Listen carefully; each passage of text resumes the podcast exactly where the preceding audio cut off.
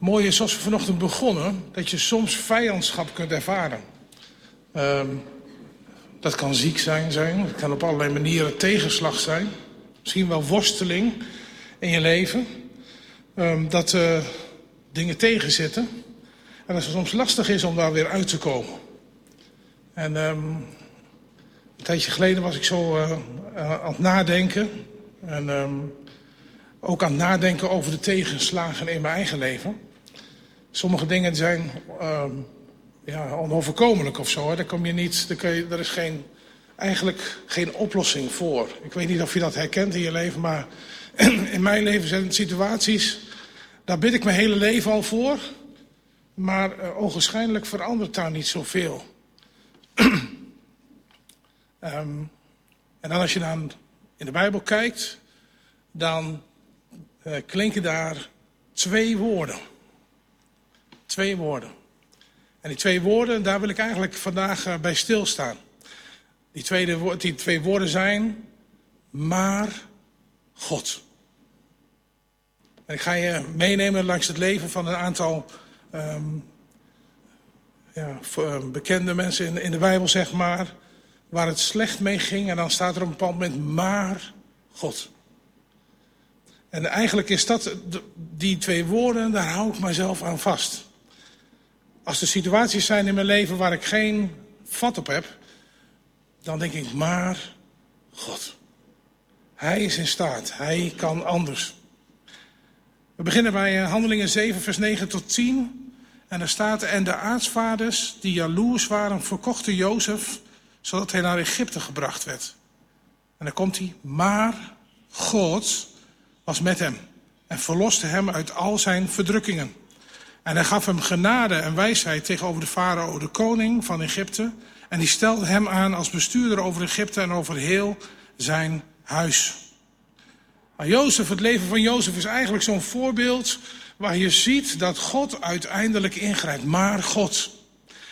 Maar in eerste instantie moet hij van alles ondergaan. Het is niet zo in het leven als christen dat alles maar pijs en vree is. We hebben er net over gezongen met kerst. Dat alles maar goed gaat. Dat als we bidden dat het gebeurt voor genezing, dat het maar zo gebeurt. Voor bevrijding, dat het maar zo klaar is. We hebben God daarbij nodig. En aan het begin van het jaar is dat eigenlijk ook waar ik eigenlijk bij, met jullie bij stil wil staan. Hey, 2023, um, je hebt, zonder God wordt het niks. Je hebt God erbij nodig, maar God.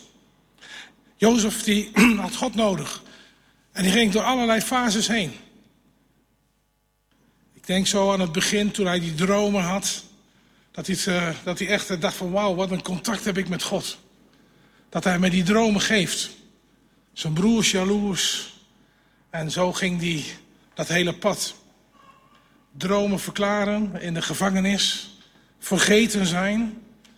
Weet je, dat zijn allemaal thema's die eigenlijk, als je vandaag de dag kijkt, nog steeds spelen bij jou en bij mij. Het gebeurt niet zo letterlijk zoals het bij Jozef gebeurde, maar wel dat het leven soms zo tegen kan zitten dat we denken, heer, maar waar bent u dan precies? Dat we ongeduldig worden. Maar God, maar God heeft Jozef uit de verdrukkingen gehaald. En Jozef genade en wijsheid gegeven. En weet je, als we kijken naar die um, mensen uit het Oude Testament, dan wordt ons eigenlijk een spiegel voorgehouden. Want dezelfde God die dat deed bij Jozef, doet dat ook bij ons, bij jou en bij mij. En durf je dan stil te staan bij jezelf? Weet je, vandaag spreek ik, maar ik spreek ook tot mezelf. Want wij hebben net uh, uh, onderweg hier naartoe uh, gehoord dat een goede vriendin is overleden. 48 jaar. Donderdag zat ze nog bij hem in de stoel, niks aan de hand. Vandaag overleden. Dus ik moet mezelf vandaag ook aanspreken. Maar God, haar kinderen, haar man, daar moeten we zo naartoe. Om hen te troosten. Maar God, hoe dan? Maar God gaat daar bovenheen. Dat is wat ik geloof. Daarom ben ik dat ook vanochtend ben ik gekomen om dat naar jullie zelf, maar ook naar mijzelf uit te spreken. Maar God, God heeft een andere een ander zicht op de realiteit van het leven. Maar God, Weet je, wij zijn in de maatschappij worden we heel erg gefocust op het hier en op het nu. En het moet allemaal vandaag en het moet lekker en goed en snel. Maar God gaat anders. Die kijkt in een ander tempo naar de dingen. Ik zag van de week een, eh, een prediker en die, die zei, ja, God die zegt, ik kom spoedig. Maar dat spoedig duurt al 2000 jaar. Dus wat is dan spoedig? Maar God, hij reageert. En hij regeert over ons leven. Ik kom uiteindelijk hieruit op, de, op het avondmaal. Want dat is ook een teken van maar God. De mensheid die verkeerd dreigde te gaan, maar God greep in door zijn zoon. Dat was Jozef. Tweede waar ik uh, bij stil wil staan is uh, Jacob. Genesis 31, vers 8 staat... Um, Jullie vader heeft mij echter bedrogen en mijn loon wel tien keer veranderd. Maar God heeft, hem, mij, heeft mij niet toegestaan mij kwaad te doen. Jullie vader heeft mij echter, daar spreekt hij tegen Lea en tegen uh, de andere, zeg maar, tegen Rachel. Jullie vader heeft me echter bedrogen en mijn loon wel tien keer veranderd. Maar God heeft hem niet toegestaan mij kwaad te doen. Jacob had afspraken gemaakt. Zeven jaar moest hij werken en dan zou hij zijn bruid krijgen. En uh, ik verbaas me daar nog steeds over. Hoe werkt het dan dat je dan denkt, huh, het is een andere. Maar goed, uh, dat gebeurt dan toch. Uh, en dan moet hij weer werken. En, en tegelijkertijd, je merkt alles, zeg maar, nou ja, de afspraken worden niet nagekomen. Weet je, dat is in ons leven ook vaak zo. Er zijn hier beloftes gedaan. En dan denk je, oké. En weet je, soms is dat, ja, dat neem je dan maar op de koop toe. Maar als het je broer of je zus is, je broeder of je zuster, dan is dat soms best lastig. Maar Jacob, die keek, die werd daar niet um, boos en, en, en um, verbitterd door. Maar Genesis zegt, maar God. Hij bleef in deze periode kijken naar God. Hij bleef zijn oog richten op God. Wat hem ook tegenkwam, wat hem ook gebeurde. Waarin hij ook merkte um, dat, nou ja, zoals hij hier zegt, allerlei afspraken werden veranderd, zeg maar. Dus uh, eenzijdig uh, gemaakt. Maar God. Jacob zei, maar God heeft mij er doorheen geholpen. God heeft me er doorheen geholpen. Zoals uiteindelijk het getuigenis was van Jozef, was ook het getuigenis van Jacob. Maar God regeert door alle situaties heen. Maar God, die twee woorden. Als je kijkt naar de Efezebrief, dan staat het daar ook. Het staat in, uh, even kijken hoor. Efeze 2, staat op het volgende blaadje. Vers 1, ook u heeft mij met hem levend gemaakt. u die dood was door de overtredingen en de zonden waarin u voorheen gewandeld hebt, overeenkomstig de leefwijze van deze wereld, overeenkomstig de wil van de aanvoerder van de macht in de lucht, van de geest die nu werkzaam is, in de kinderen van de ongehoorzaamheid onder wie ook wij allen voorheen verkeerden, in de begeerte van ons vlees, door de wil van het vlees en de gedachten te doen. En wij waren natuurlijk kinderen des toorns, evenals de anderen. Maar God, die rijk is in barmhartigheid, heeft ons door zijn grote liefde, waarmee hij ons heeft liefgehad, ook toen wij dood waren door de overtredingen, met Christus levend gemaakt. Uit genade bent u behouden, zalig geworden. Maar God. En daarom kom ik eigenlijk ook bij je met de, met de vraag 2023. Is dat een jaar waarin God mag regeren, waarin je zegt, oh maar God mag het doen in mijn leven. Die ga ik toestaan om dat te doen. Of ga je op je emoties leven, op je herinneringen, op je teleurstellingen, op de moeites. Maar God, naar God. Ik heb in mijn eigen leven gemerkt dat, uh, zoals ik al zei, een aantal situaties zijn die voor op dit moment in ieder geval onveranderd zijn. Uh, we hebben bijvoorbeeld kleinkinderen die we niet mogen zien. Uh, die zitten ook nog aan de andere kant van de wereld, dus je kan het ook niet even stiekem opzoeken om te kijken hoe het gaat. Maar God. Aan de ene kant verscheurt het mijn hart maar aan de andere kant weet ik maar één ding: God. Hij is alomtegenwoordig. Hij is overal. Hij is beter in staat op dit moment voor hen te zorgen als ikzelf, maar God. Maar God. God heeft ons levend gemaakt. Hij heeft ons de kans gegeven van ook dit jaar om, um, om Hem te volgen. Maar God. En daar ligt ook gelijk de uitdaging en ook de, de uitnodiging. Zoals die eigenlijk letterlijk hier staat. Aan de zijkanten. De uitnodiging dat Jezus die leeft. Hij die is opgestaan uit de dood. Hij die heeft uitgesproken. Het is volbracht. Hij die ervoor gezorgd heeft dat jij en ik contact kunnen hebben met de hemel. Dat er, geen, uh, dat er niets meer tussen zit. Hij die zegt, maar, maar ik, ik wil vandaag in jouw leven zijn. Ik wil vandaag beschikbaar zijn om je leven te leiden. In mijn tempo en niet in jouw tempo. In mijn ritme en niet in jouw ritme.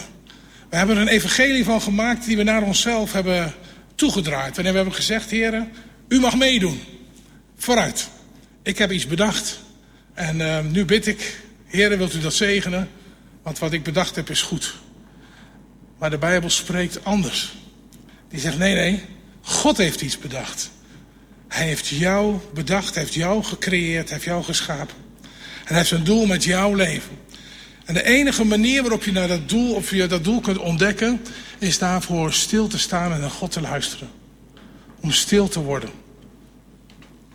Ze hebben in de uh, gemeentes uh, van uh, afgelopen jaren, een aantal Pinkstergemeenten, hebben ze onderzocht wat vooral stoort in de relatie met God. We hebben enquêtes gedaan. En een van de dingen die heel erg storend is, is dat mensen eigenlijk niet zo goed meer stille tijd kunnen houden. Weet je hoe we stille tijd houden? Dat doe ik zelf ook hoor. Ik heb hem nu niet bij me, maar dan pak ik mijn iPhone. Dan zoek ik mijn Bijbel-app. Dan lees ik wat. En tegelijk gaat er pong. Oh, appje. Nog even verder gaat pong. Oh, e-mailtje. En eigenlijk zijn, worden we niet meer stil voor God. Dus vandaag wil ik ook pleiten om terug te stappen. Gewoon op het fysieke boek. Als je stille tijd houdt, ga in de stilte. Pak dat fysieke Bijbelboek in de handen en lees. En laat je niet storen door van alles en nog wat. Want weet je, God is een sprekende God ook vandaag. En hij spreekt specifiek tot jou. Maar God. Jozef die hoorde de stem van God. En daardoor kon hij dromen verklaren. Dat kan ook vandaag nog steeds niet zijn veranderd. Jacob merkte, hij zag, hij droomde, hij merkte in zijn leven God in zijn nabijheid, maar het was wel vanuit de stilte. En laten we eerlijk zijn, zelfs Jezus, hij moest de stilte in om met zijn vader te communiceren. Laten we eerlijk zijn, wij gaan dat niet te boven. Als je denkt dat je dat anders kunt, uh, dan zit je fout. Dan zit je fout. God wil dat we de stilte zoeken en ook letterlijk alles stil laten worden. Vliegtuigstand. Ding uit, zodat je uiteindelijk zijn stem wil verstaan. En voor, deze, voor dit jaar wens ik je ook toe dat je zijn stem zult gaan verstaan. Maar God, God heeft een hele andere, heeft hele andere gedachte over jou en over mij. En Jeremia zegt dan dat zijn gedachten van heil Positieve gedachten. Maar God. Filippenzen 2, vers 25, daar staat ook een hele mooie maar God. Dat gaat over Epaphroditus.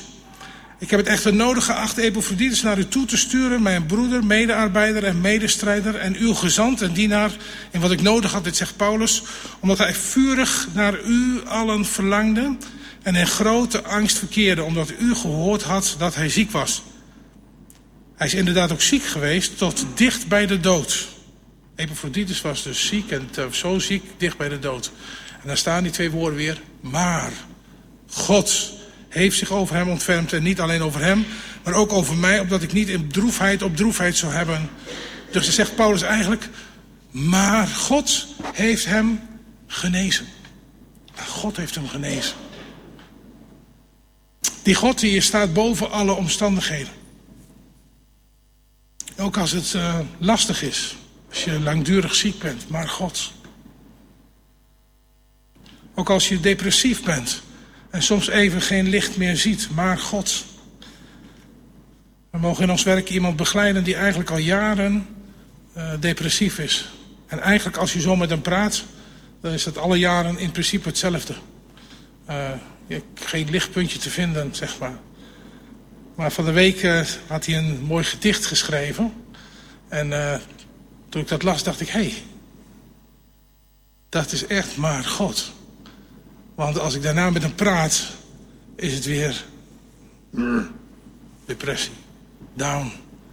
Maar dat moment dat daar op papier stond, dat was een moment van verlichting. Een moment van ontmoeting. En een moment ook van, van dankbaarheid naar God toe. Maar God. God kan in al die situaties komen. Maar één ding moeten we leren, elke keer weer opnieuw, dat we daarvoor kiezen om ons daarin over te geven. En we zijn zo gewend, ook uh, in de kerk, ook in de gemeentes, om maniertjes te hebben. Allerlei maniertjes. maar ik geloof dat vandaag de dag dat het tijd wordt om maar gewoon eenvoudig God te zoeken. God te zoeken in wie hij is. God die kan genezen. God die levend kan maken. God die onder druk kan beschermen. God die onder de verdrukkingen je kan helpen.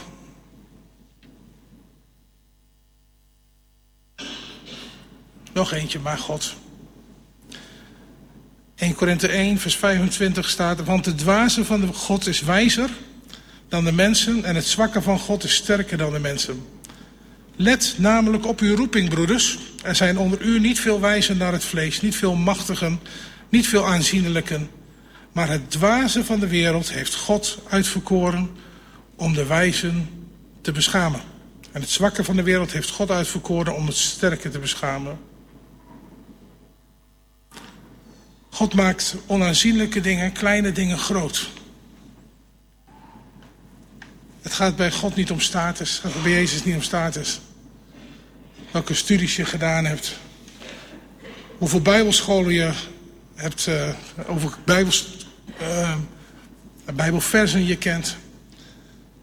God verhoogt het onaanzienlijke. Toen hij zijn, uh, zijn, zijn discipelen riep...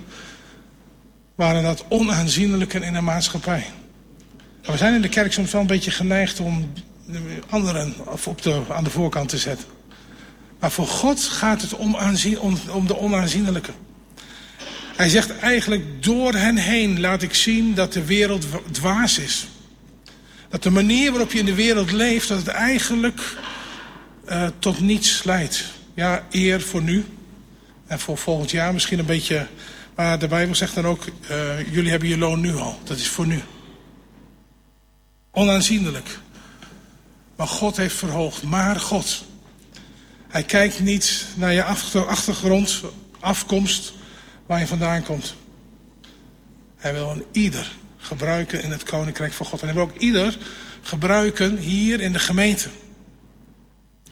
Op ergens ook dat je dit jaar ergens besluit maakt om actief te zijn in de plaatselijke gemeente. Niet alleen zitten, maar ook doen. Samen optrekken.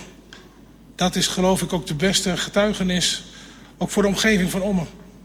Ze zien dat je samen zorg hebt voor elkaar. Als het moeilijk is, dat je voor elkaar zorgt. En dat is de laatste maar gods die ik je wil aanreiken. Die staat in de bergreden. Daarom zeg ik u, wees niet bezorgd over uw leven, over wat u eten en wat u drinken zult. Ook niet over uw lichaam, namelijk waarmee u zich kleden zult. Is het leven niet meer dan het voedsel en het lichaam meer dan de kleding? Kijk naar de vogels in de lucht. Ze zaaien niet en maaien niet en brengen niet bijeen in schuren. Uw hemelse vader voedt ze evenwel. Gaat u dat niet ver te boven? Wie toch van u kan met bezorgd zijn één el aan zijn lengte toevoegen? En wat bent u bezorgd over kleding? Kijk naar de lelies in het veld, hoe ze groeien. Ze werken niet en spinnen niet. En ik zeg u dat zelfs Salomo in al zijn heerlijkheid niet gekleed ging als een van deze. Als God nu het gras op het veld, dat er vandaag is en morgen in de oven geworpen wordt, zo bekleedt, zal hij u niet veel meer kleden, kleingelovigen. Wees daarom niet bezorgd en zeg wat zullen we eten, wat zullen we drinken, waarmee zullen we ons kleden. Want al deze dingen zoeken de heiligen. Uw hemelse vader weet immers al die dingen dat u, die u nodig hebt. Maar zoek eerst het koninkrijk van God en zijn gerechtigheid. En al deze dingen zullen gegeven worden. Maar God, God schenkt je zijn koninkrijk. Hij zegt, hier ben ik. Ik wil dat je een kind van mij wordt. En dat je mij volgt. Dan zal ik je onder druk beschermen. Dan zal ik je door de zonde heen levend maken. Dan zal ik je, als je ziek bent, genezen. Dan als je een slechte eigenwaarde hebt, dan wil ik je oprichten. Wil je waarde geven. En als je zorgen hebt, wil ik voor je zorgen. Maak je geen zorgen over de dag van morgen. Maar God. Deze ochtend geloof ik dat het avondmaal staat voor maar God. Hij die voor ons gestorven is, hij die voor ons is opgestaan, is levend. Hij leeft ook vandaag. En door aan het avondmaal te gaan, maak je de stap opnieuw om te zeggen, maar God, ik heb u nodig. Ik heb u nodig in mijn leven. Ik accepteer het offer aan het kruis van Golgotha. Ik accepteer dat ik het zelf niet allemaal kan. Maar dat ik, u het voor mij heeft gedaan. En ook vandaag dat in mijn leven moet doen. En zo kijkt God naar jou en naar mij. In alle omstandigheden. En hij wil je daarmee bemoedigen. Kies. En je zult bemerken dat God al voor je gekozen heeft. Hij is al met je bezig. Hij heeft je op het oog. Hij is al op zoek naar jou. Hij roept je al. Ook vandaag in deze, deze maaltijd roept hij naar jou en naar mij. Neem deel. Ontvang. Opdat we nog meer afhankelijk van hem zullen worden. Nog meer met hem betrokken zullen raken. En al die dingen die we in ons leven doen, tegen het licht van zijn woord zullen houden. Liefst. Zo, zonder gestoord te worden. God is een sprekende God. En hij zal ook in 2023 tot je spreken. Maar ga je luisteren? Of laat je je afleiden door alles wat in de wereld en alles wat in je eigen leven en alles wat in je omgeving gebeurt? Maar God. Ik hoop dat het getuigenis van je aan het einde van het jaar zal zijn. Ik kijk achteruit. Er waren allerlei hobbels en moeilijkheden, maar God. Hij was erbij. Jezus, hij was erbij. Hij is voor me uitgegaan. Hij heeft me beschermd. Hij heeft me gezegend. Hij heeft voor me gezorgd. Amen. Zullen we samen bidden? Heer Jezus, we danken u zo, Heer, dat u die God bent. Die zo naar ons op zoek is. Heer, u kwam voor ons hier naar deze aarde. Opdat wij vandaag zo met u kunnen wandelen. Heer, dat zodat we levend gemaakt worden met u. Op mogen staan met u. Heer, en ik bid ook, Heer, vandaag dat, ja, ook voor dit jaar, voor deze gemeente, voor ieder persoonlijk. Heer, dat u dat uit zult werken, dat ze steeds meer en meer zullen gaan bemerken dat u er bent. Heer, dat u er de, elke dag bent. Heer, dat u een sprekende God bent. Heer, dat u een richtinggevende God bent. Heer, dat u een vervullende God bent. Die vervult met uw geest. Heer, en ik bid, Heer, dat we steeds meer afhankelijk van u mogen worden. Help ons om niet verbitterd te raken. Heer, om niet zo teleurgesteld te raken dat we de moed opgeven. Daarom hebben we bemoediging van elkaar, maar ook van het uw woord nodig. Heer, we bidden zo daarin om uw zegen. Heer, en ook als we zo het avondmaal nemen. Heere, spreek dan door dat avondmaal tot ons. Heer, want u bent aanwezig in ons midden als we bij elkaar zijn. Dat bid ik zo in Jezus' naam. Amen.